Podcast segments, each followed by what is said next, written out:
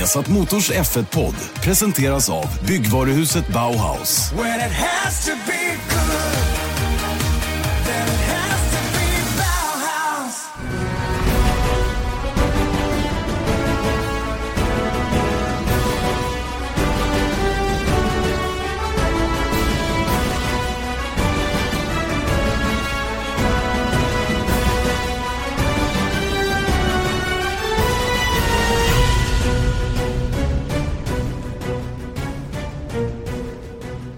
Hjärtligt välkomna ska ni vara till Formel 1-podden. Vi har satt Motors Formel 1-podd. Janne Blomqvist, Erik Stenborg tillbaka igen. Själv hemkommen från, eh, från Baku igår morse.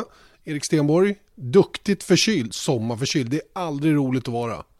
Nej, det är inte det. Du känner mig så väl. Jag gör det. du är... ser på mig vilken ja, du, jag förkylning jag har. Jag hörde i telefonen när vi pratade under helgen att det var tjockt i näsan. Ja, det, Men, kan ju, eh, det kan ju vara flera anledningar så här års.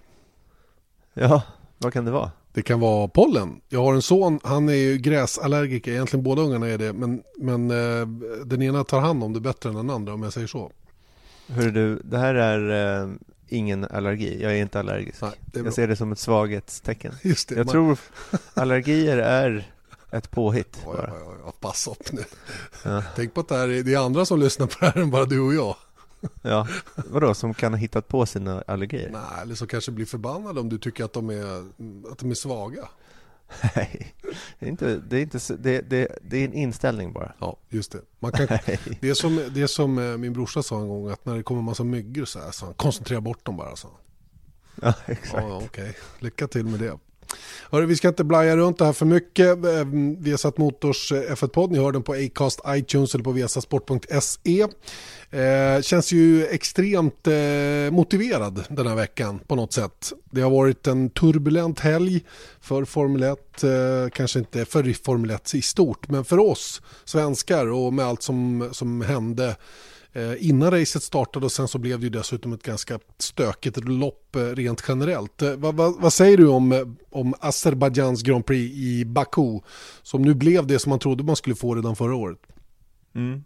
Nej men det, det är just, alltså, jag fattar inte. Vi pratar om svängningar mellan race och sånt där men ofta så brukar det vara så här banspecifikt så brukar man veta ungefär hur det ska gå och sett till Sett i fjol då så, så var faktiskt eh, Baku det som hade sämst eh, Ja, alltså de som tittade i de här uh, undersökningarna som FOM gör så, så uh, skårade Baku sämst mm. på hela fjolårssäsongen. Mm. Och, uh, Med all rätt tycker jag. ja, ja, men självklart. Men jag kan nästan garantera att, de, att Baku kommer skåra bland i topp tre i år. Just, i samma undersökning. Just det, och då kommer jag till, till nästa frågeställning här. För att eh, jag har ju som sagt min blogg också. Den är rätt så bra för där kan man, där kan man få lite hur vindarna blåser och sådär. Och det är ofta rätt kunniga, eller väldigt kunniga människor som kommenterar, som, som följer sporten ingående. Det gör ju inte alla. Eh, och eh, där, där eh, var det någon som hakade upp sig på att jag kallade det för underhållande. Att det var underhållning på hög nivå, vilket jag tycker att det var. Men jag tillade också att det var inte för att det var så väl, välkört race att säga. Att det var den, den briljantaste Formel 1-körning man sett i mannaminne. Utan det var andra ingredienser som, som gjorde att det blev som det blev. Och då är ju frågan, så, var det underhållande eller var det bara ett skitlopp där det var för mycket andra omständigheter som avgjorde, tycker du? Nej, men alltså, jag tycker inte ens man kan säga att ingen kan säga att det var ett skitlopp eller att det inte var underhållande. Men sen så var det av, av konstiga om, omständigheter såklart. Och då, jag pratade med Rickard Rudell häromdagen bara om ja, efter helgen liksom. Och eh, han sa att eh, om, och jag håller med honom om det, att om alla lopp hade sett ut så här så hade man ju blivit tokig liksom. För då är det bara Ja men, ja, ja, men alltså det, stök, det, liksom. ja men det är som en fotbollsmatch där det har regnat i två dagar innan de börjar spela. Och så kommer de ut och så, och så sparkar de iväg en boll, den studsar inte, alla spelarna kanar och glider åt alla och så kan inte alla matcher vara. Just den, en match kan ju bli lite annorlunda och, och, och så på det viset då. Och det är väl lite det du är inne på här i det resonemanget. Absolut, och då, då börjar man höja på ögonbrynen och det är därför jag tycker att det garanterat var ett underhållande race. För att allting av det här skedde ju så att säga organiskt också. Det var ingenting som som liksom, det var inte yt, liksom, det var inte omständigheter som gjorde att det blev så här förutom bara det råkade bli så bara. Mm. Och då tycker jag att då blir det ovisst och då blir det spännande och man kastar verkligen upp eh, korten i luften. Liksom. Man visste inte var det skulle hamna. Jag menar om man bara tittar på första vi kom väl 19 race eller någonting första ti- 19, eh, varv. 19 varv första timmen eller någonting sånt. Och när det blev röd flagg där så hade man ju ingen aning om hur ska det här gå. Men sen så drog ju om man såg bara de första 19 varven så drog ju Hamilton bara ifrån. Så då såg det inte ut att bli så himla spännande, men det blev ju så många konstiga omständigheter som det bara kan bli när det blir röd flagg som gjorde att det blev väldigt, väldigt eh, konstigt, men därav underhållande tycker mm, jag. Mm. Och, och ähm, att det blev säkerhetsbil och sådana saker i sig var ju, var ju en sak så att säga. Va? Det var ju lite olika, olika saker som, som kallade ut den på banan. Eh, men det som, det som gav rödflaggen så småningom det var ju att det, det skedde så mycket saker så att det flög bildelar både här och där och det, sen är det så oerhört höga hastigheter på den här banan så att man var helt enkelt tvungna att rödflagga för, för att få städa av banan helt enkelt. Va?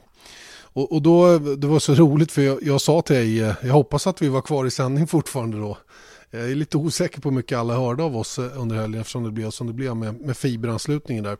Men, men jag sa det till honom, så, eh, det, det, är ju lite intressant där för att nu har de kört eh, ja, nästan ett halvt race innan det blev rödflagg.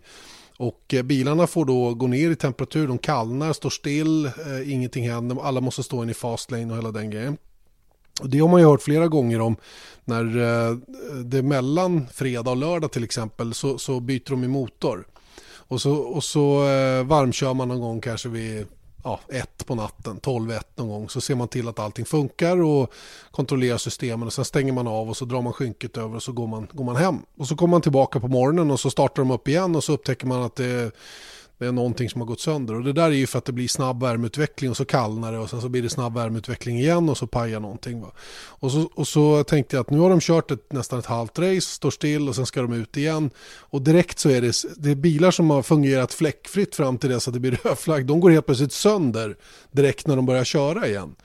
Och, ja. och, nu, var det ju, nu var det i och för sig bara två sådana grejer som hände egentligen, varav den ena egentligen hade med bilens bilkörbarheten att göra och det var ju Filippe Massa då vars stötdämpare som gick sönder. Ja. Eh, och det har ju inte heller med varmkörning och sådana grejer. Men jag är ganska säker på att det har att göra med att grejerna har gått väldigt hårt under en period. Och sen så borde de, ja, ska de stå stilla och sen så ska de ut igen. Att det kan vara sånt som påverkar.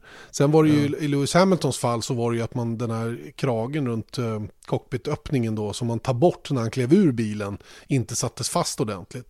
Och där såg jag att han eh, heter han på Sky där som springer runt? Ted, Ted Kravitz, Ted Kravitz. försökte att tvinga av Toto Wolf någon form av eh, namn eller vem, vilken person var det som hade missat att sätta fast den där och hela den biten.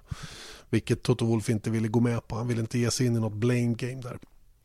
Men eh, det var ju också en, det blev ju en väldigt avgörande grej får man ändå säga. Ja, och det var ju väldigt kul med tanke på tajmingen då, att det var ju precis då som Vettel hade gjort den här påkörningen mm. eh, och att båda egentligen gick i depå samtidigt då. Och det blev ju faktiskt väldigt så spektakulärt. Det var ju vältajmat, mm. så, att, så att säga. Om det nu skulle ske så skulle det ske då. Och, ähm, ja, exakt. Nu, nu vet vi ju vad som, nu vet vi ju så att säga, vi har facit i hand runt den här händelsen. Det vill säga Lewis Hamilton gjorde ingen bromstest överhuvudtaget, han rörde inte bromsarna alls. Eh, vi vet också att han inte körde konstigt med gaspådrag eller någonting sånt. Han var på gas hela tiden. Det jag tror hände, och det här är ju min, min tolkning av det så att säga, va? Jag, jag vet ju inte exakt, men så här känns det som att det gick till i alla fall. Att Fettel var så oerhört sugen på, eller han, han visste ju att han måste vara beredd vid omstarten, men uppe i kurva 15 där så hände ju ändå ingenting. Så jag är lite förvånad att han var så het just där. Men han låg ju oerhört nära bakom Lewis Hamilton. Så tror jag kanske att vid ett olyckligt tillfälle så trodde han att, att Hamilton skulle gasa på. Han kanske hade gjort det vid de andra omstarterna lite mer än han gjorde den här gången. Ja. Och eh, då, då tryckte Fettel på gasen per automatik liksom för att vara säker på att hänga med. Och, och, och kör rätt in i baken på Hamilton. Eh, och skriker då att han blir bromstestad. Han blir naturligtvis överraskad av allt som händer och så, och så brinner det upp i huvudet och så åker han upp och så, och så kör han på Lewis Hamilton. Sen, sen, sen, nästa grej som jag är lite så förvånad över, eh, för han sitter ju och gestikulerar med ena handen. Jag uppfattar nämligen aldrig att han liksom gör en rattrörelse så här, nu ska jag köra in i Lewis Hamilton. Det var nästan mer som att han satt och vevade och var förbannad och så, och så blev det så för att han rörde på sig så att säga i, i cockpit. Va? Mm. Men, men, eh, helt klart så gjorde han en förbaskat dum grej, en ful grej skulle jag vilja säga. Som, tänk om han gjorde sådana där grejer ja, alltid, oavsett farter. Så, ja. så är det såklart att det beivras på ett eller annat sätt. Va? Och det, han ska ju vara verkligen glad att inte det blev svartflagg för den här grejen. För att har man förare som har den, den typen av omdöme, att så fort att man lackar så ska man gå upp och använda bilen liksom för att skrä antingen skrämmas eller köra på, som man gjorde i det här fallet. Då, då tycker jag att man har förtjänat ett väldigt, väldigt hårt straff. Så han kom undan rätt så lindrigt ändå med 10 sekunder stop and go som det blev. Och, och oh ja. eftersom vi dessutom har facit i hand nu att Hamilton gjorde ingenting som, som eh, kan anses vara farligt eller eh, oväntat eller någonting. Dessutom är rätten på sin sida att, att bestämma farten. För precis där så släcker säkerhetsbilen lamporna och efter det så är det ju Hamilton som bestämmer farten. Ja, och det, det var faktiskt en, en intervju efter racet med eh, Ricardo där han får, han låg ju bakom och såg det här. Mm. Eh, att han får liksom kommentera det och då säger han ju just att eh, det är ingen som skulle tagit dra iväg i kurva 15 utan det gör man ju i tidigast kurva 16. Mm. Eh, så att, och, och, då pratar han just om att eh, det är ju Fettels, liksom att han, han he can go a little bit crazy. Mm ibland. Och Det har man ju verkligen sett om man tittar på Mexiko förra året när han blev totalt mm. tokig. Liksom. Mm. Han, brinner, det, det brin han brinner, ja, det brinner verkligen. Ja. Och eh, det var ju uppenbarligen det som hände, tror jag. För att det var ju, som du säger, att eh, Hamilton hade inte gjort någonting konstigt utan det var mer bara eh, jag, jag, vet inte ens om Vettel visste exakt var han var. Han, han kanske mer fokuserad på vad Hamilton gör snarare än, än vad är rimligt nu att han, liksom, vad kommer hända i kurva 15? Ja men lite så va. Och, och, och, när, vi, när jag satt och sammanfattade lite grann hur vi skulle ta upp det här så, så är det ju många som för, fördömer hela grejen. Med all rätt tycker jag. Det, det, det ska man göra. Rent faktiskt. Alltså själva händelsen är ju inte så mycket att, att dividera om. Och, och det, är, det, är, en grej han gör i relativt låg fart och det, det, är ingen som tar några skador av det så att säga. Men det är själva grejen. Och att man, att man faktiskt är kapabel att göra en sån här grej på en racerbana mitt under pågående tävling för att man blir förbannad över någonting. Det är det jag ifrågasätter och det är det omdömet som man får bestraffning för. Och kanske eventuellt skulle haft ännu värre straff för. Ja, nu fick han ju tre poäng på sin licens då, så mm. att han har ju nio poäng eh, de senaste tolv månaderna. Tre, alltså, tre kvar nu till en avstängning. Ja, då är han avstängd i ett helt race. Jajamän. Så att han ska verkligen hålla sig i skinnet eh, från och med nu. Men det var just den där grejen att när han tar sin stop and go så frågar ju Vettel så här, varför? Han förstod ingenting. Det gjorde han visst, Erik. Ja, jo, jo, men det är det jag menar. Att jag undrar om... Jag tror inte att påkörningen heller... Alltså, för det första så körde han ju på två gånger. Mm. Han är ju på... Ja. Han är ju uppe med nosen i... Han skadade ju sin framvinge mot Hamilton första gången. Mm. När han känner att... Eh, att han blev bromstestad och då bara brinner det till och då ser man ju faktiskt på ombordkameran att de släpper båda händerna vid ett kort tag. Mm. Så jag tror inte heller att han var, nu kör jag in i honom. Nej, nej. Utan, utan det, det råkade bli så. Och, men sen så tycker jag samtidigt att man kan inte jag har sett det att många liksom har sagt det så här, ja, men är han kapabel att göra det här i 250 km i timmen? Ja, inte vet jag, men det gjorde han ju inte. Heller. Nej, och då kommer vi till det här som jag, som jag sa då, att, att eh, rent praktiskt här så var det ju inte det är, inget, det, är inget döds, det, är inget, det är inget dödsfarligt han gjorde så att säga. Hade han däremot gjort det här i 250 eller kanske till och med ännu högre hastighet då blir det ju något helt annat så att säga. Va? Men, men problematik... Det är hypotetiskt. Pro, liksom. Ja det blir ju det va. Men problematiken är ju att han ändå på något sätt visar att han här att när omdömet sviker så kan han göra jäkligt dumma grejer. Och det kan jag tycka är lite tråkigt med Fetter för han är, han är en så pass superduktig förare. Och, och, lite grann var det det här också man kände runt Schumacher när han var som allra, allra bäst. Han var ju så fantastiskt bra racerförare. Men så kunde han göra så otroligt konstiga grejer. Bara för att han fick för sig någonting. Och det där är ju, eh, ja. Det, det är ett svårt, eh, det är, det är ett dilemma. Det är ett dilemma absolut. Ja. Samtidigt så tycker jag då att, jag vet inte, nästa steg upp i bestraffning är ju att han ska få svart flagg mm. för det. Ja. Och då, då, menar jag liksom, det kanske hade varit lite jag vet inte. Oh. Jag, jag, tycker där och då, då gick det långsamt och det var jättedumt och oavsett om det är ett misstag eller inte att han körde faktiskt in i Hamilton, eh, det kan man ju inte ta fasta på. Men utgången av det här var ju det blev ju inte så allvarligt. Det hade varit skillnad om man hade kört ja, fast ska det spela eh, någon Roll? Ska det spela någon roll då egentligen? Nej, men det är det precis på mm. sätt, liksom, om det var med vilja eller inte, mm. det kan man ju inte ta fasta vid heller. Nej. Men jag tycker samtidigt att han fick 10 sekunder stop and go, men han var också tvungen att köra in och ut ur depån, vilket blir 20 sekunder. Så att han fick ju 30 sekunder på det här och tre poäng på sin eh, mm. licens. Så jag vet inte. Om jag säger så här då? Steget därifrån till svart flagg tycker jag är ganska stort. Men om vi säger så här då. Ponera nu att hjulupphängningen på, på Hamiltons bil hade gått sönder. Det hade pajat helt enkelt. Med, medan Vettel hade kunnat köra vidare. Eh, då då hade ju Vettel då säkerligen, hade, ja, om du, med, det, med, det, med det resonemanget som pågår nu då, med, med, att man isolerat ser själva händelsen, så hade han fått 10 sekunder stop and go för det. Han hade ändå då sannolikt blivit fyra. Eh, och, och, de, och, den han körde på hade fått bryta. Va, va, liksom, det, det, blir konstigt, det, det är svårt mm. att ge rätt påföljd. Det här var vi inne på någon annan gång när vi fick fråga om det, var det inte det? Ja, det var, inte länge sedan. Nej, det. det är alltid den som är, alltid den som är eh, drabbad. Mm den tjänar ju sällan eh, någonting på hur... Om, om man får bryta av att man blir påkörd så spelar det ingen roll egentligen hur, hur stort bestraffningen är. Nej. Det är klart att...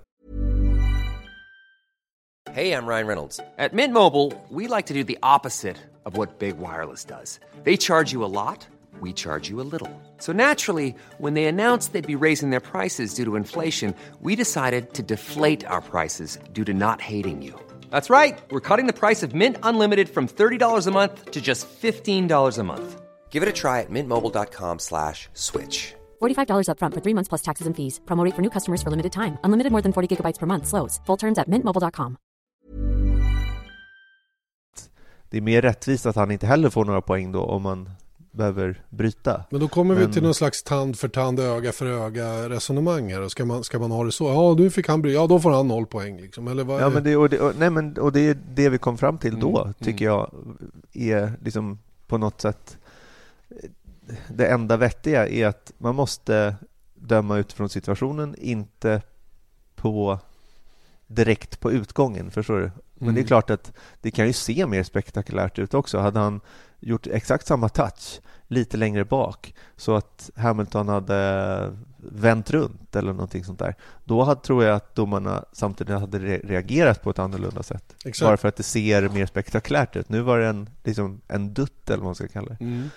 Ja, jag vet inte riktigt var, var jag vill komma men jag tror att man kan aldrig döma situationer på banan så att det blir helt rättvist för båda parter. Nej, och det var ju rätt tydligt att Hamilton var ju missnöjd med att, och det kan jag förstå, jag fick någon kommentar också, något, något Hamilton-fan som tyckte att det var ju, hur kan det, hur kan det vara rättvist att, att Vettel till slut går i mål före Lewis Hamilton? Men, men det, det bygger ju bara på att Hamilton fick sitt, sitt bekymmer så att säga då. Och eh, mm. eh, i det läget så hade man väl inte, ah, jag kan också tycka att det är konstigt att, um, att Vettel med den, med den förseelsen ändå på något sätt landade med fötterna först. Före Lewis Hamilton lyckades dryga ut i VM. Men det, det var ju ödets nyck mera. Det var ju faktiskt lite slarv från Mercedes som kostade Hamilton segern, inte att Vettel gjorde det han gjorde på det viset. Nej, och det måste man också tänka på. att så här, varför blev, För det var någon som frågade mig så här, varför blev båda bestraffade för det där? Och, men det var ju ingen bestraffning överhuvudtaget för Hamilton utan det var ju att Mercedes hade klantat till det. Mm. Utan det så hade han varit före. Nej. Kanske ännu längre upp. Det där är ju faktiskt ett, ett ganska allvarligt slarvfel också. För det är ju ingen komplicerad anordning som sitter där runt. Men den är oerhört viktig för föraren och av säkerhetsskäl så måste den ju sitta fast han kan inte sitta och åka och trycka ner den med handen, vilket han gjorde då flera gånger, utan det, det måste ju sitta på rätt ställe såklart. Ja, ja.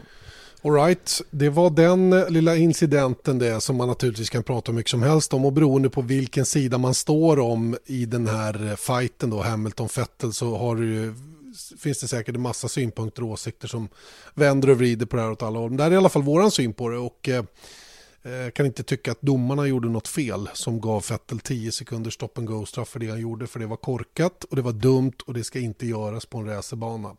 Vi vet dessutom att Hamilton alltså inte gjorde någonting som egentligen borde ha föranlett Vettel att reagera som han gjorde. Då kommer vi, eh, kommer vi vidare då på det som har pratats väldigt mycket om efter loppet och det är ju givetvis då med oss eh, med svenska ögon sett då så att säga det som har det som i loppet hände runt omkring Sauber med den här fighten om sista, sista VM-poängen. Och ehm, för svensk vidkommande så blev det ju inte så roligt då eftersom det var Marcus Eriksson som fick ge upp tiondeplatsen då till förmån för teamkamraten på order från teamet.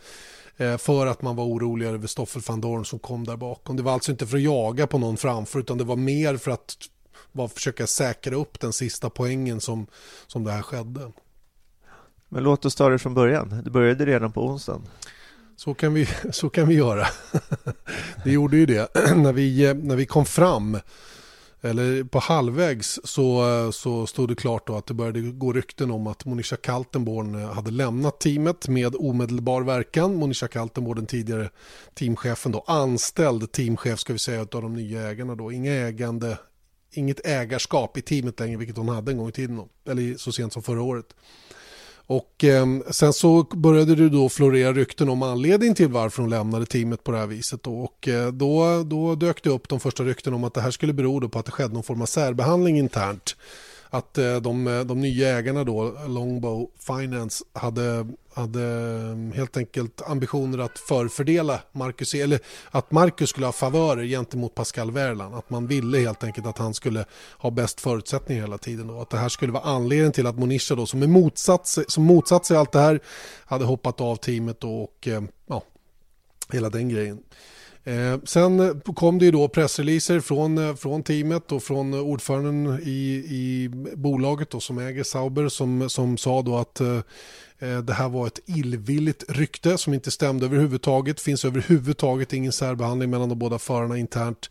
Och eh, det här är någonting som man eh, överhuvudtaget inte håller på med inom Sauber-teamet. Sen kom det ytterligare en pressrelease som sa då att Monisha Kaltenborn då bestämt sig för att eh, sluta då man gemensamt kommit fram till att man inte var överens om hur det här teamet ska drivas och därför så, så kom man överens om att hon då ställer sin plats till förfogande och eh, ja, lämnar helt enkelt Sauber med omedelbar verkan. Eh, så det, det var ju liksom det som hände under onsdag, torsdag kan vi väl säga, eller hur? Det var väl en ganska bra sammanfattning av läget. Det var en väldigt bra sammanfattning av läget. Men då, då börjar jag tänka på, på så här, om vi ska vara lite konspiratoriska mm. runt det här. Och det här finns ingen, och det vill jag verkligen vara tydlig med, att det finns ingen, ingenting bekräftat om det och eh, jag har försökt, eller vi har faktiskt försökt nå Kaltenborn för att få en kommentar, men det har vi inte lyckats med. Det är svårt när hon inte längre är knuten till teamet för att vi har inga personliga kontakter med eh, Kaltenborn utan det har ju gått genom teamet och nu är inte teamet eh, ansvariga för den kommunikationen längre. Men hur som helst, att, att det här kom ut då, det här favoriserings eh, frågan. Det är ju ganska intressant om man bara spekulerar. Och än en gång, det är bara spekulationer. Det är andra som har gjort det också. Men, men eh, eh om det vore så att det kom från Kaltenborn och man vill på något sätt sätta en kniv i ryggen på Eriksson och folket runt omkring honom så är det en väldigt effektiv sak att säga. Mm, verkligen, för det sådde ju tvivel direkt. Och det spreds, mm. spreds väldigt, väldigt snabbt och det blev liksom en, eh, som Marcus Eriksson själv sa när vi pratade med honom där nere, han var, ju, han var mest irriterad över att ett sånt här rykte startar då, eh, som han menar då utan bäring överhuvudtaget och att det helt plötsligt blir en sanning. Va? Det går så fort, liksom okontrollerbart. Och det, kom, det var ingen som hade lyckats bekräfta ryktet. Eh, och det kom från, eh, från obekräftad källa. Eh, ja. Och massor med sådana här grejer. Och ändå blir det så att det fastnar. Det är liksom Hullingen går in och sen så går den inte att få det därifrån på något sätt. Va? Och det är, lite, det är lite fascinerande med hur den här branschen funkar. Och faktiskt media eh, liksom media idag. Mm. Att allting går otroligt fort med de digitala plattformarna och det är väldigt eh, hårt tryck på att få ut spektakulära saker. Och det är inte något kvalitetsbetyg, eller hur? Verkligen inte. Nej. Och det var ju lite därav vi försökte nå, försökte nå Kaltenborn under helgen just bara för att se så här, vad säger du om det här då? Mm. För att även om, om det kom från henne eller inte så kan ju hon svara på det. Om hon såg det, att, att anledningen till att hon lämnade var av det här då. Men effekten av det ju, blir ju att när man inte kunde nå och få en klargörelse på den här obekräftade källan blir ju att ja, det är ord mot ord. Mm. En obekräftad källa mot en bekräftad källa i form av Sauber som säger någonting annat. Men det blir också att när det blir sanning så blir det ju så att om Marcus hade slagit Wehrlein den här helgen Mm. liksom, och egentligen under Marcus resterande tid i Sauber, hur länge han nu är kvar där, så blir det ju så att ja, men Marcus är favoriserad och jag undrar om, om den inte är... Eh, jag menar, I Sverige så tror jag att man har en större inblick i det här, men jag tror till exempel i brittisk media att det kan väldigt lätt bli så att man har det här i bakhuvudet. Man tänker inte riktigt till kring så här, okej, vem var det som sa vad och när och varför? Att det tar ju vi med oss som med svenskhattarna, Mm. men en britt kanske inte gör det, utan då är det redan utsagt nu att Marcus Eriksson är favoriserad i, i Sauber Mm. och alla resultat han gör som gör att han kommer före sin teamkamrat är tack vare det. Och alla resultat när han kommer efter sin teamkamrat är eh, ett bevis på hur jävulskt dålig han är så att till och med när han är favoriserad inte kan slå sin teamkamrat. Exakt. Och det här är ju, eh, det här är ju liksom, ja, det, är, det är ett elakt rykte alltså. Riktigt, riktigt elakt. Det som spreds ut och på det sättet. Eh, så här diffust, bara som en ful, äcklig giftdimma som kommer. Va? Och jag lägger ingen värdering i sanningen i det här. Det, när jag säger det. Utan bara sättet som en, som en eh, Usch, jag höll på att säga något jättedumt, men jag ska inte göra det. Men det är som en, som en eh, så här, elak, en lönnmördardimma som glider in bara. Och sen så bara finns den där på något sätt. Va? Va, vad hände med normal journalistik där man ringer och dubbelkollar rykten och kanske kollar motparten och sådana grejer. Va? Och då kommer vi tillbaka till hur medievärlden fungerar rent generellt. Och det är ju, det är ju rätt knepigt faktiskt att, att tillhöra den och sen sitta och diskutera den på det här sättet. Men att man har så jäkla bråttom ut med allting och att man ska jaga de här klicken och, och sådana saker. Va? Det gör ju att kvaliteten på nyheterna är klart sämre många gånger. Uppfattar jag det som än vad det var förr i tiden när kanske inte fanns, fanns internet överhuvudtaget och man bara hade tidningar. Va? Då hade man mer tid på sig att göra en kvalitativ produkt. Nu kan man först trycka ut en nyhet snabbt. Sen får man liksom, om man orkar och inte bara vänder blad och går vidare på nästa klickjagarrubrik så kan man ju faktiskt gå tillbaka då och göra lite mer undersökande journalistik också, ta reda på sanningshalten i saker och ting. Men problemet... Varför inte göra både och? och det, för det är det som är grejen nu, att jag upplever att ett problem, och då, då tar vi inte bara det här exemplet eftersom det rör en svensk förare, utan det är vad som helst vad gäller Palmers eh, Mm. vara eller icke vara i fortsatt, fortsatt i den här säsongen. Det är ju fortfarande den här problemet att man tar inte eget ansvar för att det man presenterar som en nyhet är korrekt Nej. utan det har någon annan gjort. Och nu råkade det vara till exempel Autosport som går ut med det här. Ja, de är en trovärdig källa, då, då kör man Mm, bara. Mm.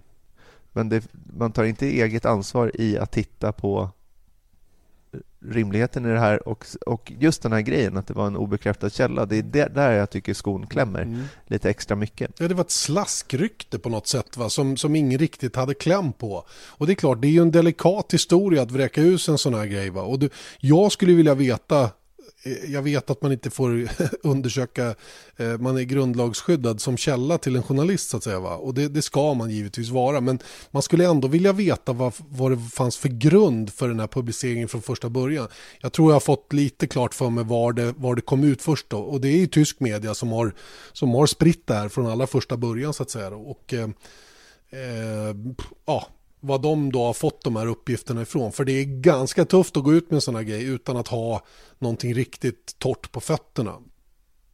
Och då vill jag bara poängtera våran, hur vi publicerade det här i våra sändningar var ju ändå att vi presenterade ja, ensidigt i, inför kvalet där när vi hade pr- fått eh, möjlighet att prata med Beat Sender som är tillförordnad teamchef nu, Marcus och de eh, var ju väldigt tydliga med att, ja, att de ansåg att det här inte var sant. Eh, Verline sa ju ingenting Ehm, men det är där också vi har ju sökt Kaltenborn och när man inte får en, eh, en, eh, en respons på det, då, då hamnar man ju lite i att man presenterar en ensidig story. Ja, men man, man kan ju bara presentera fakta då, å andra sidan. De givna fakta som fanns och vi kan bara ställa frågan. Ja. Eh, något annat finns liksom inte. Man sen, själva spekulerandet i huruvida det är sant eller inte. Det, är ju, det blir ju... Ja, det är ju faktiskt inte vårt, eh, liksom, utan vi hade någon som hade sagt det. Kaltenborn hade lämnat och obekräftade källor sa att Marcus var favoriserad. Vi ställer då frågan till Sauber, är det så? Jag menar, det, det är en väldigt svår situation, mm. och, men det är en... Eh, ja, vi kan inte svara på om det är sant eller inte, men, men trovärdigheten i eh, som jag ser framför mig nu är att, är att eh, ja, baserat på historiska historiskt sett också som Beat säger att eh, Sauber har inte haft eh, en första, andra förare favoriserad förare inom teamet och sånt nej, heller. Men... Och, och ja, jag, jag, kan inte heller se varför man skulle ha det. Det finns bara en, en sak för Sauber att göra. Det är att försöka göra så bra resultat som möjligt med de två givna förare man har. Och det, det, det gör man inte genom att eh, liksom jobba på det sättet. Så, så enkelt är det. Och det är ju den uppfattning som de allra flesta har haft. Va? Men ja, det, ryktet är ute och det kommer att bli svårt att, att tvätta bort. Så enkelt är det och det, det får man helt men, enkelt leva Men frågan om det inte tvättades bort lite i helgen med tanke på vad som hände. Ja, men då kommer vi tillbaka till, eh, till det här med vad som blir motsatsen då. Att eh, ja, ja men visst, varför gjorde man som man gjorde i en tveksam situation, vilket det var. Eh, och då ska vi ge bakgrunden till den då. Det var ju nämligen så här att med en 15, 16, 17 varv kvar någonting så hade Marcus ganska komfortabelt ledningen före sin teamkamrat. En 2-3 sekunder ungefär. Det som då hände var att eh, Romain Grosjean hade, surprise surprise, problem med bromsarna. Vilket gjorde att han eh, hamnade framför Marcus vid ett kort tillfälle. Eh, Marcus tappade jättemycket tid. Naturligtvis går temp i däcken ner på en gång. Det där diskuterade vi hundra gånger under helgen. Det gjorde att Pascal Wehrlein hamnade i ett attackläge. Eh, han fick de där sekunderna som han var bakom i princip gratis. Mm. Och eh, då, då blev det ju så att de här två krigade ju väldigt hårt mot varandra. Pascal Wehrlein och Marcus Eriksson om positionen före den ena eller den andra. Och eh, det är klart att när man kör på det viset så tömmer man batteriet, man kör eh, defensivt, vilket inte är det snabbaste sättet att köra runt på banan. Och eh, som jag uppfattar det så kom inte Pascal Wehrlein heller förbi, utan han blev kvar bakom Marcus Eriksson. Det mm. som samtidigt hände var ju då att Stoffel van Dorn hade lite fräschare däck och började sätta upp ett högre tempo bakom, en och en halv, två sekunder snabbare i samtidigt som de här två Sauber-förarna försökte kriga om position framför då. Eh, och det här upptäckte ju teamet då att van Dorn var på G och eh, blev ju oroliga för att eh, de skulle mista möjligheten till den sista poängen. Vi hörde till och med radiotrafik till van Dorn att om du kniper de båda Sauberbilarna så, så är du uppe på poängplats. Då, i det läget, efter att de hade kört en 4-5 varv och legat och kubbats med varandra, då kom orden till Eriksson att byta plats. Eh, och Marcus blev så här, är ni verkligen säkra på det här? Måste jag det? Ska jag spela upp den? Ja, ja det kan du göra. Kan du det? Absolut. Du har den i telefonerna. Ja, men det är lite kul. Här kommer det. We want to swap position. Back please. He's coming back too strong. But he cannot overtake. We will swap back if he doesn't pull away. Are you sure about this? Yes, we need to let him through turn three. Och det här eh, radiokommunikationen kom ut på F1-appen, så det är eh, en person på Twitter som skickade mig den här, uh, han bandade det från uh, F1-appen mm. och skickade det till mig. Men det, uh, så, såg orden ut. Just det, och då var det ju ungefär tio varv kvar att åka. Det som då hände var att Eriksson naturligtvis när han måste släppa förbi återigen måste backa av ordentligt. Eh, däcken kallnar, Pascal går förbi, eh, kan ösa på i sitt tempo och eh, öppnar upp en lucka på ungefär 3-2,5-3 sekunder.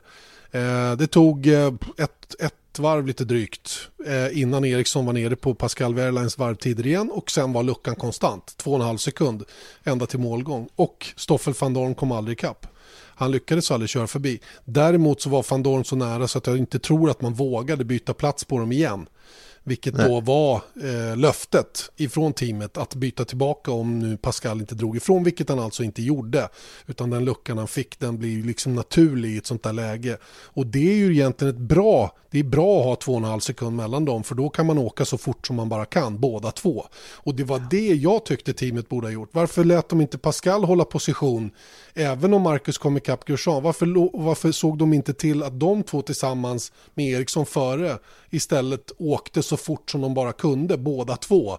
Det vill säga Pascal på, på, på behörigt avstånd och Eriksson kunde ösa på, Pascal kunde följa med i samma tempo. Då hade de också hållit van Dorn bakom sig och då var det Eriksson som hade tagit poängen istället. Det är min frågasättning tycker jag till hela den här till, till situationen som blev. Och ehm, om vi då... Men, men det, är också, det är också en hypotes, Mm. för det är också den grejen att vi måste ju titta på vad, att Sauber tog det här beslutet på en sekund Mm. eller någonting ja, sånt. ja, visst. Och man såg att eh, faktum var att eh, van Dorn var i kapp, Mm. Inte riktigt, eh, men eller var på väg i han kapp. var på väg ikapp.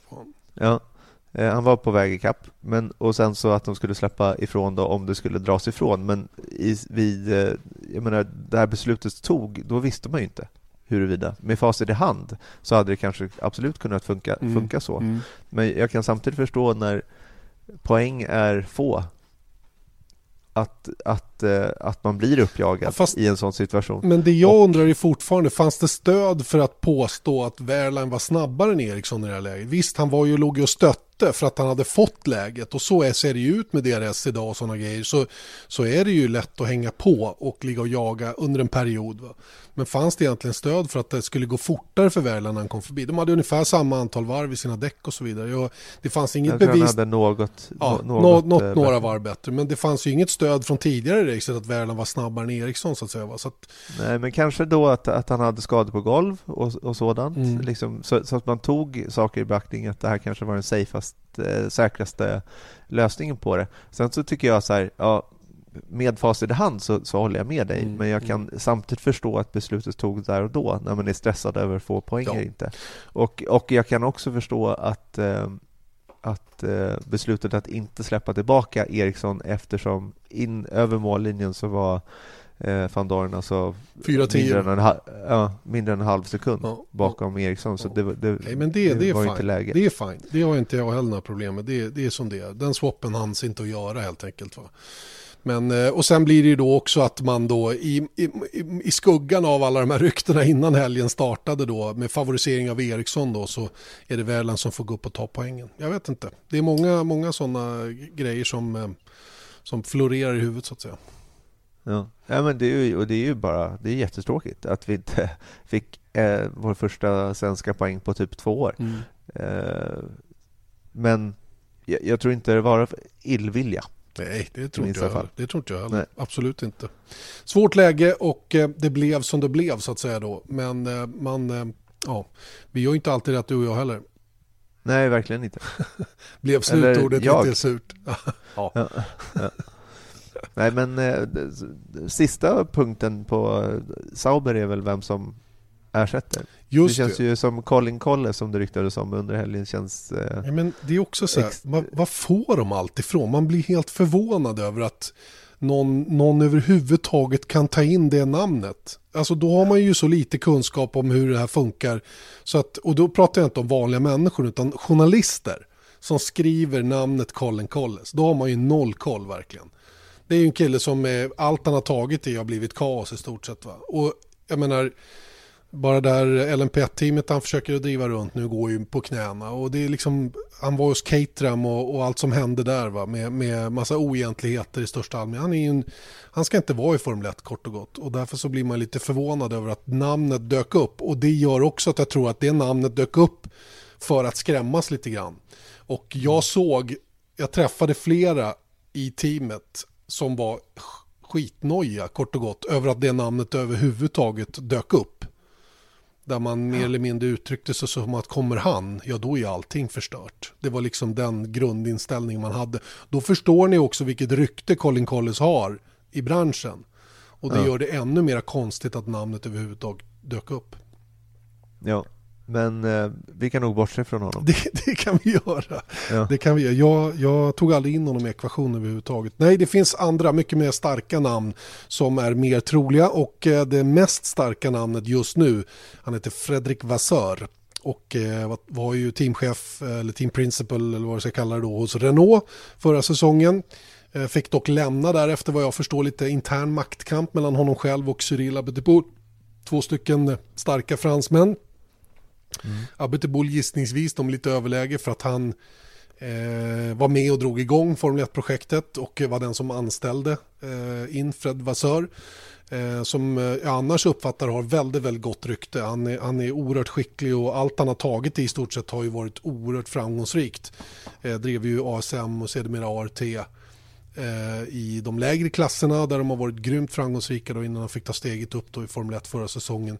Eh, nu finns han ju tillgänglig och ehm, jag är förvånad att ingen har plockat upp honom tidigare. Om han nu inte har funnits i någon form av garden leave eller karens. Men det tror jag inte gäller en sån här position.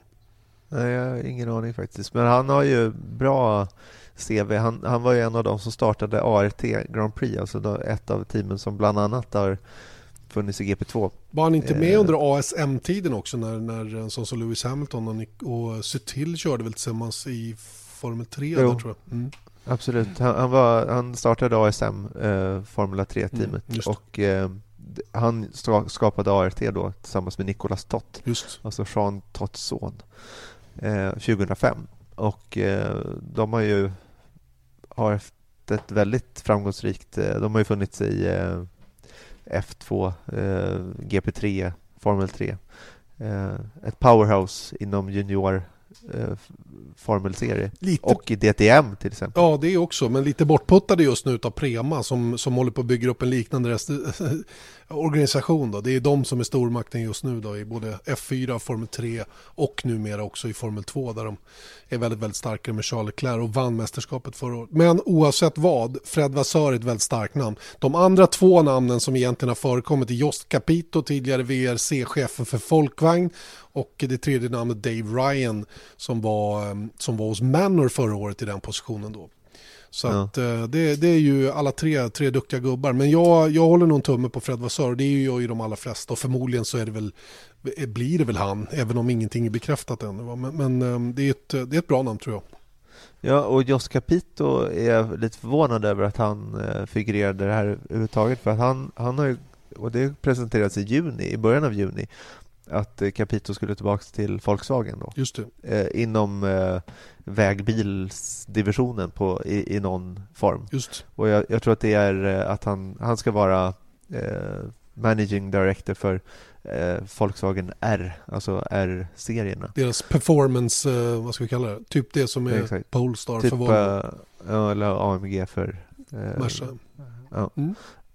Så att eh, han blir det nog inte, vilket gör då att i och med att det var de här tre personerna, så Dave Ryan, det är mycket möjligt, men i och med att Vassör har figurerat så hårt så, Ja. så skulle jag hoppas att det är han. Har vi inte läst att han till och med varit i Hinville? Inte för, Ja, att, alltså, inte för att det är inte, bekräftat inte för bara mig. läst, utan, jo, jo, utan det har ju till och med eh, Pascal Picci, han som är Ah, VD för Longbow som i sin tur äger Sauber, Mm. eh, bekräftat att han har varit i Hinwil. just det. Eh, Så att förvänta er eh, ett announcement ganska snart kanske då. Just. Okej, det om detta. Den som ersätter får vi se. Det lär väl komma någon gång. Jag gissar att det kommer den här veckan. För de behöver ju ha någonting klart innan Österrike känns det som. Eller? Ja, inte vet jag. Nej. Det kanske, det kanske klarar sig med Bet och, och Jörg- Jörg Sander Jörg Sander ja. också. Men eh, inom kort, och så kan man definiera senare hur kort är. Just Hur det. långt är ett snöre? Hur långt är ett snöre brukar en vän vi har säga till oss ibland. När han inte har något annat att säga. Ja, exakt. Hörrni, eh, prispallen då den här helgen blev lite grann av eh, never give up-tema va? Eller inte så? Jo, det var väl det som Bottas sa när han åkte över linjen till och med. Mm, mm. Nej, det, det var en eh, väldigt annorlunda pall och det kommer vi att se också när vi kommer till tipset som gick käpprätt åt skogen den här helgen. Eh, prispallen som alltså var Daniel Ricciardo som vann före Valtteri Bottas och då Lance Stroll som gick i mål som tre. Och varför säger vi never give up? Jo, Daniel Ricciardo han krockade, eller på att säga, han körde in i räcket redan på kvalet, startade tia. Eh, var så långt nere som 17, tvingades i depå tidigt. Det var någonting som hade täppt till ett bromsluftintag. Eh, och sen tillbaka ut och då var han som sämst 17. Valtteri Bottas vet ni ju, eh, klippte ju till Kimi Räikkönen där redan i kurva 2 på första varvet. Och ehm, eh, fick punktering. Körde hela 6 km långa varvet med punkterat bakdäck. Eller om det var framdäck, jag kommer inte ihåg. Eh, och sen kommer han ut ett varv och 90 sekunder efter, det vill säga nästan två varv efter. Nu är det ju så finurligt i Formel 1 så att när det blir säkerhetsbil, vilket det blev några gånger, då får man chansen att komma tillbaka på ledarvarvet. Det utnyttjade givetvis Botta som sen då gjorde sin surge genom fältet och gick i mål som tvåa efter att ha passerat Lance Stroll över mållinjen med typ en billängd och tog honom alltså ut över sista raksträckan. Och sen avslutningsvis då Lance Stroll som gick på pallen då efter att ha haft en miserabel start på året. Redan från säsong, försäsongstesterna har det gått mer eller mindre åt skogen för honom av olika skäl. Ibland tekniskt strul, ibland av andra eh, deltagare som har kört på honom men många gånger också på grund av att han inte har varit tillräckligt bra själv. Den här gången blev det riktigt, riktigt bra och en tredje plats och därmed är han den yngste rookien att stå på en, ett Formel 1-podium. Väldigt, väldigt bra. Så att never give up, det är liksom temat. Och äh, jättekul att det blev som det blev. Bra för mästerskapet att äh, Ricardo, ja att storfräsarna inte tog sådär jättemycket poäng. Ja, ja verkligen. Jag, jag, jag tycker det är så intressant i Formel 1 att det finns vissa gånger där man ser att, om man tittar, nu var ju det väldigt länge sedan, det var väl Jenson Button 2012 i Montreal när han var sist fyra gånger eller någonting sånt där och sen så kommer han upp på, på, och kör om, eh, pressar Fettel av eh, till ett misstag på sista varvet och vinner. Eh, det är ju också en sån där eh, minnesvärd grej och det är nästan som, med tanke på allt som hände i toppen, mm. så var det nästan ja, det var längst bak man skulle vara efter första varvet för att ha, ha möjlighet att vinna. Typ. Ja, ja, men man behövde, de kom liksom ur synk med varandra va? och det, det var väl kanske det som var en av anledningarna att det gick vägen för en sån som Bottas då. Sen måste man ju ha lite flyt med de här reglerna då. I normalt sett så ska det inte gå att komma tillbaka från en punka med ett varv efter på första varv. Då är man liksom rökt. Eh, det, var, det, var, mm, det var extremt eh, fördelaktigt för honom att det blev säkerhetsbil och inte bara en gång utan flera gånger. Eh, hade man använt VSC däremot, vilket sånt som Lewis Hamilton ropade efter hela tiden, för han menar ju på att det, det är farligt med de här omstarterna och packa ihop fältet och det blir nästan lite Indycar-omstart av det på stora rak, ja, långa raksträckor. Ja, men lite pack racing var ner mot första kurvan, vilket också... Men jag måste säga, vad coolt det var. Ja. För om man, om man såg, eh, du vet när de hade en stor bild över start och mål, mm. när man ser att de dånar ner där, mm. fyra i bredd i stort sett. Alltså det såg ut som eh, på långa rakan i Macau, mm. Formel 3. Ja, liksom. Att de bara åker fram och tillbaka och så här. eller på, en, på Indianapolis ungefär. Exakt. Det var riktigt coolt. Och eh, en Ricciardo-omkörning där när han tar två igen. Tre. Tre, tre. Mm. Det kan ju vara decenniets omkörning. Ja, i alla fall den här säsongens omkörning kan det definitivt bli. För den där är svår. Den är svår mm. av den enkla, det går ju rakt fram så det är inte svårt så. Men att, att committa sig så, så att han vågar köra på innen med en otroligt snäv vinkel då i den mycket högre farten han måste ha för att köra förbi dem allihopa. Det var coolt gjort alltså, riktigt, riktigt bra. Ja. Och, Sen ska eh, man ju också lägga till här då att när, när vi sa att det var längst bak man ville vara efter första varvet. Ja, hade du fått punka i en Sauber, mm. då hade du inte haft mm. slagläge för att vinna. Nej. Utan du behövde ju du behöver pace. behövde en riktigt bra snabb, snabb bil. Liksom. Exakt. Eh, för, för, att komma tillbaka till det jag pratade om innan, här, men för hade det blivit VC, vilket kanske hade varit säkrare på många sätt, det vill säga virtuell säkerhetsbil, då hade ju Bottas aldrig fått chansen, inte en endaste Nej. gång. Och eh, ja, han kanske hade fått den men för sent. Eh, och, och, ehm, ja, det där är ju också ett, en, en, frågeställning som är relevant om man ska ha eh, om man ska ha WC eller vanlig säkerhetsbil. Och jag förstod egentligen inte varför man tog säkerhetsbil just de här gångerna. För det var inte några dramatiska grejer som man tog säkerhetsbilen för förrän det blev dags att, att rödflagga. Nej. Nej, jag vet inte heller hur beslutet ser ut. Jag antar att när det tog sån tid och man skulle ut med stora fordon på banan för att ta bort eh, var det Kviats bil va? som ja. det tog väldigt lång tid på. Eh, då kan jag tänka mig att, eh, att för då, kan, då har man en konstant hastighet runt hela banan men en, en Safety Car kan eh, dra ner ja, i krypfart Mm, i stort sett. mm. Det kan ju inte en WC göra. Nej, inte krypfart så, nej. Det har du rätt i. Så att, ja. Nej, men de gjorde säkert rätt, inte vet jag.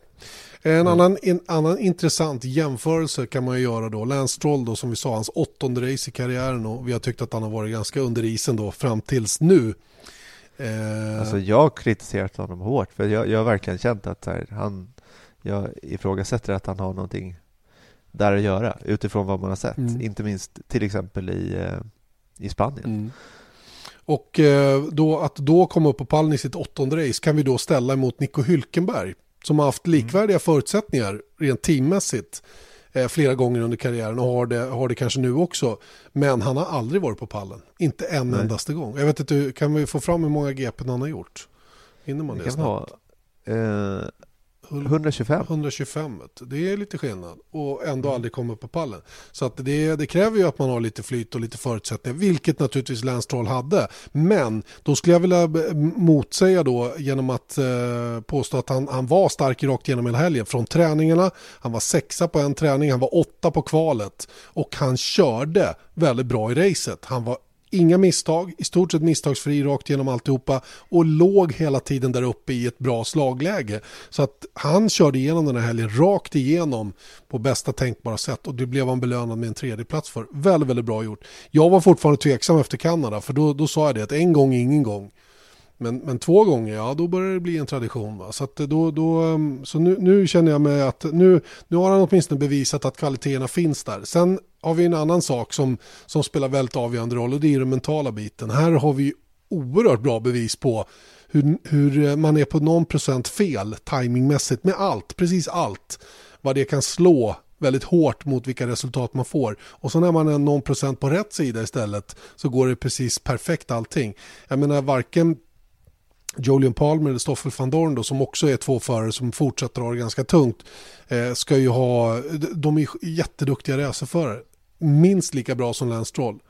Men, men det är liksom, de är just nu bara och studsar ut liksom. Stutt, det studsar fel. Jag menar, kan det gå mer åt skogen för Palmer än vad det gör just nu? Till att börja med. Nej. Och det är ju inte Nej. hans, det är inte hans fel att bilen går sönder i tid och otid heller. Utan, utan, men det är en kombination av allting. Men det är en intressant fråga i och för sig. Kan man köra sönder en Formel 1-bil Nej. idag? Alltså det är klart att man kan krascha den, men, men kan man köra den på ett sätt så, så att den går sönder? Inte en chans. Det tror faktiskt Nej. inte jag. Det, det, det är man för skyddad för. Det finns för många skyddssystem för det så att säga. Va? Det är klart man kan åka högt, eh, hårt över curbs och sådana grejer för att för att man vill räta ut kurvor eller vad det är och så blir man tillsagd att du kan inte åka sådär för då kommer bilen gå sönder och så gör man det i alla fall så går den sönder. Då har man kört sönder bilen såklart va? men i övrigt så tror jag inte man kan det utan att en, Nej, bränsle, en i alla en bränsleläcka, bilen håller på att brinna upp, hallå, vad är det för någonting? Varför drabbar det just Palmer av alla som har redan så jäkla jobbigt? Det, Ja. det, det, det är märkligt och det är inte lätt för honom just nu. För så här är det att han är mycket, mycket bättre än vad han visar. Han är framförallt inte ba- bara någon enstaka tiondel långsammare än Nico Hülkenberg va? i normalfallet. Det är jag helt övertygad om. Han vann GP2, så Typ. jag menar, bara en, en, en sån sak Ja. är bevis nog tycker jag. Men apropå psyken, när vi var inne på det lite grann, eh, med tanke på att Stroll hade en väldigt bra helg i Kanada på hemmaplan. Utan den undrar jag, alltså med flow och psyket med sig efter den här bra helgen i Kanada, då, det hade kanske varit eh, svårare för honom att ta en pallplats Jo men det är ju i precis, Azerbajdzjan. det, är precis det som är grejen. Att det är ju så jätte, jättesmå marginaler uppe i huvudet som skiljer. Jag menar låt säga att Palmer av någon freak anledning kommer trea i Österrike. Vi bara säger det. Ni, det kommer ju bli som ett vattenfall för honom rent mentalt. Och, och det kommer att göra jätte, jättestor skillnad som, som kommer att ta honom till en helt annan nivå. Så att det är, man ska vara försiktig med att eh, kapa för hårt av olika anledningar. Sen är ju naturligtvis den mentala biten också någonting som du måste hantera som förare. Det ingår i paketet. Så då kan man väl möjligen bli kritiserad för att man inte är på rätt ställe mentalt. Om man då inte orkar prestera trots att man har eh, grejerna för det så att säga. Ja. Och det är väl möjligen det som jag kan tycka var lite grann Palmers svaghet så här långt. Att han har, han har, han har gått för djupt ner i svackan så att säga. Och det, det är inte så himla lätt att ta hand om sånt. Nej, han gjorde faktiskt en in, in, intervju med BBC inför helgen där Mm. han eh, blir ifrågasatt igen. Och då så frågar de alltså, men vad är anledningen? Bara, well, att få de här frågorna av BBC inför varje helg när man har en, en, en ny start så att säga eh, gör det inte bättre. Nej. Svarar han ganska hårt tillbaka. Du- att, eh, Du kan ju tänka dig att hela tiden komma till en racehelg där du vet att det enda kravet som finns är att du ska göra bättre. Du måste bli bättre. Du sätter ju en sån press på dig själv hela tiden så det är inte normalt. va nej. Istället för att du har lite på banken, du har gjort några bra resultat så du vet att det finns utrymme. Va? Du kan vara lite avslappnad, du kan gå in i saker och ting på ett annat sätt. Va? Det, det har jättestor påverkan på hur väl du kan prestera och det där är ju sånt som jag tror att alla de här tre gubbarna som vi har pratat om då under inledningen av året lider av ganska hårt. Stroll har kommit ur det greppet lite grann nu för nu har han skaffat sig ett, ett förtroendekapital på banken som gör att han lite mer avslappnat kan komma till helgerna och liksom köra racerbil. Va? Och att han kan köra racerbil det har han ju visat i lägre kategorier med all önskvärd tydlighet. Ja. Och till och med om man skulle klanta till det någon gång så, så är inte det hela världen Nej. nu. Det finns lite, finns, det finns lite på, på kontot. All right. Ska vi nypa med en, eh, vi nyper emellan med en lyssnarfråga. Vi är ju alldeles i slutet av podden nu. Men här kommer i alla fall lyssnarfrågan som lyder som följer. Hej, William heter jag. Och jag undrar varför reglementet ändras drastiskt vid ungefär var femte år. I min värld bidrar detta enbart till att avstånden mellan teamen växer. Tack för en bra podd.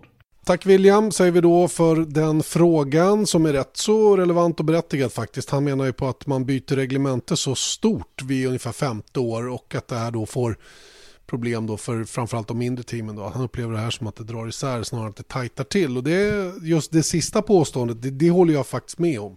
Det är precis så att ett, en större reglementsändring, till exempel den vi hade till i år, den gör sällan att startfältet trycks ihop. Och eh, ja, vad, vad, vad tror du? Varför ändrar, man, eh, varför ändrar man så drastiskt som man har gjort det? Och hur kan vi backa i tiden och se lite grann när de har skett? Ja, alltså för det första till i år så tajtade det upp. I varje fall i toppen Mm. med tanke på Mercedes. Eh, Men jag skulle vilja påstå att det också har varit motsatsen. För vi har väldigt stort tidsavstånd fram, från toppen och neråt. Visst är det så. Visst är det så. så det, men det finns ju avarter i, i, i allt. Mm. Men till i år så var det ju ett svar, anledningen som jag ser främsta anledningen till det var ju att det var kritik mot att F1 inte gick tillräckligt fort. Det var inte tillräckligt extremt. Eh, Det var inte en tillräckligt stor utmaning för förarna. Man kunde framförallt inte pressa eh, däcken. Det var inte det man ville ha. Det var inte så man såg Formel 1. Eh, Och då gjorde man den här förändringen. Och där tycker jag fanns Det fanns stöd för främst, den. f- ja, främst goda skäl Mm. till att göra den.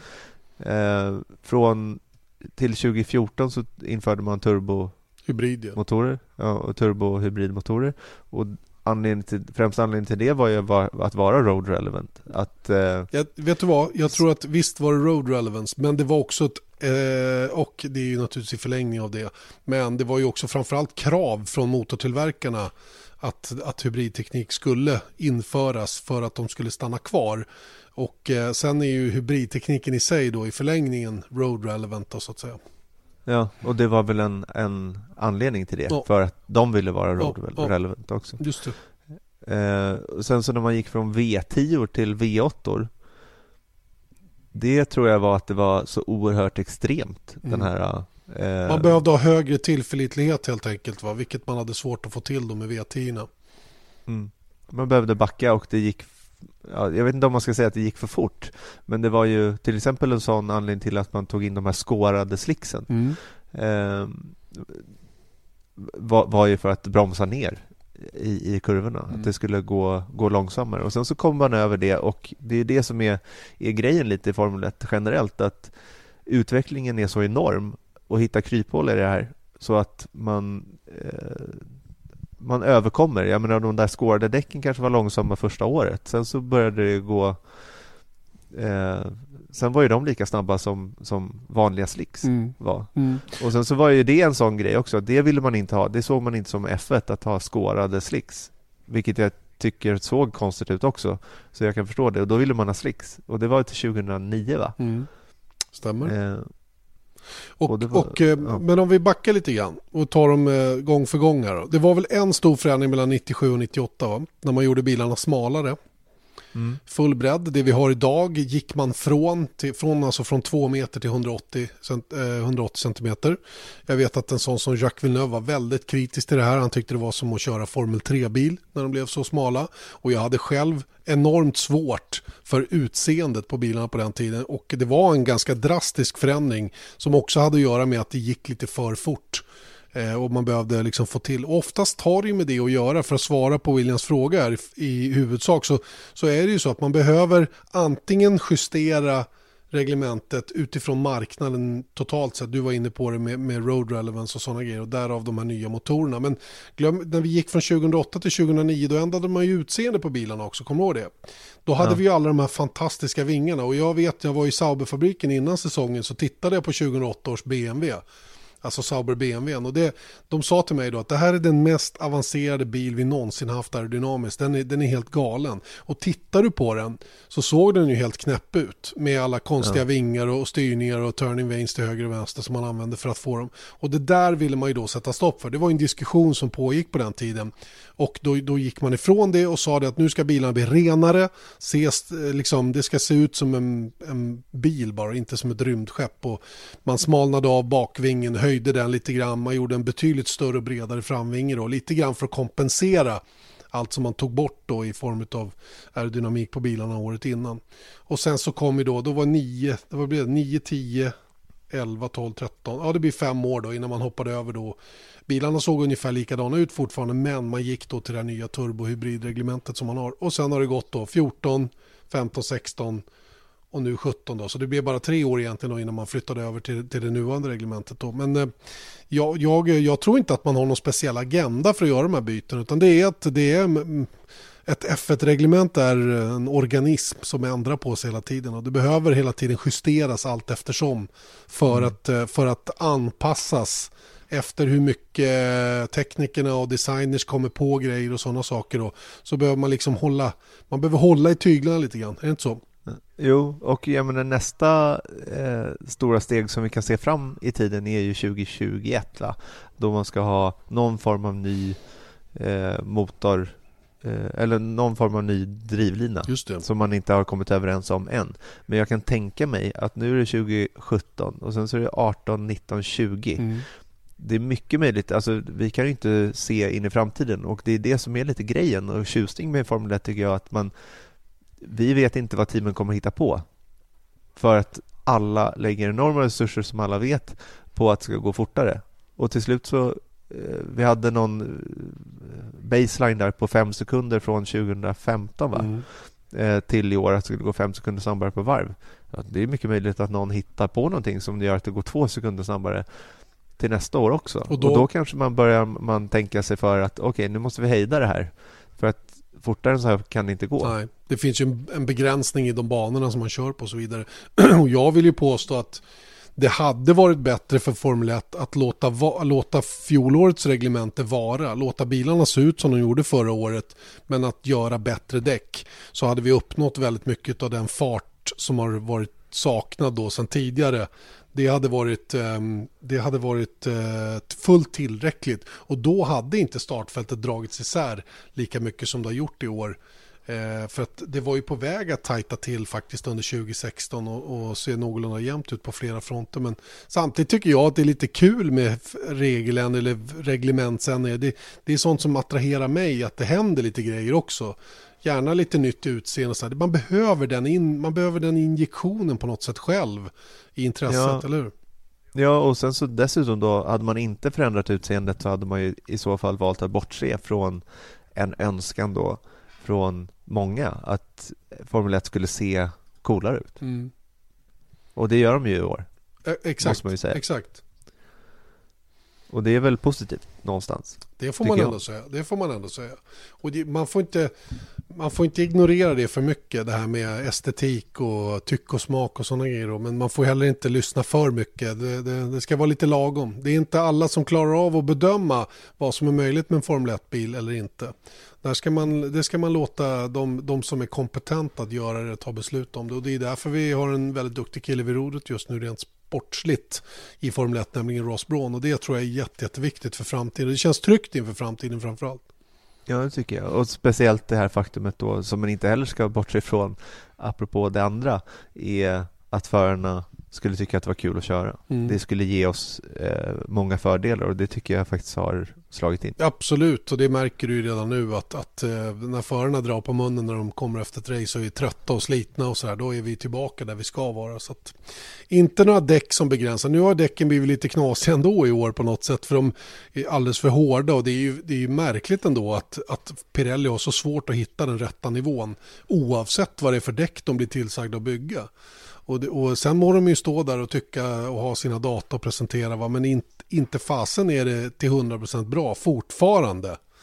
Även Nej. om det är mycket, mycket bättre i år än vad det varit tidigare. Va? Men Ja, men sä- säg då att eh, Pirelli hade så här, okej, Australien, eh, låt oss dra ihop ett eh, tre dagars F1-test. Alla teamen åker till Bahrain innan de åker till Kina. mm, Ja, det hade kanske kunnat se annorlunda ut då också. visst. Men, men det har man inte råd med Nej. helt enkelt. Nej. Så att det, man kan ju samtidigt, jag tror inte man ska hugga huvudet av Pirelli allt för mycket. Absolut inte.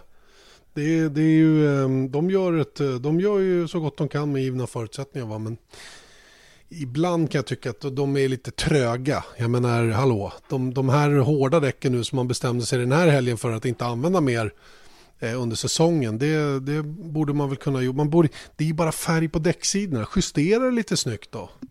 Ja, Och, eh, och liksom gå ner ett, gå ner ett snäpp.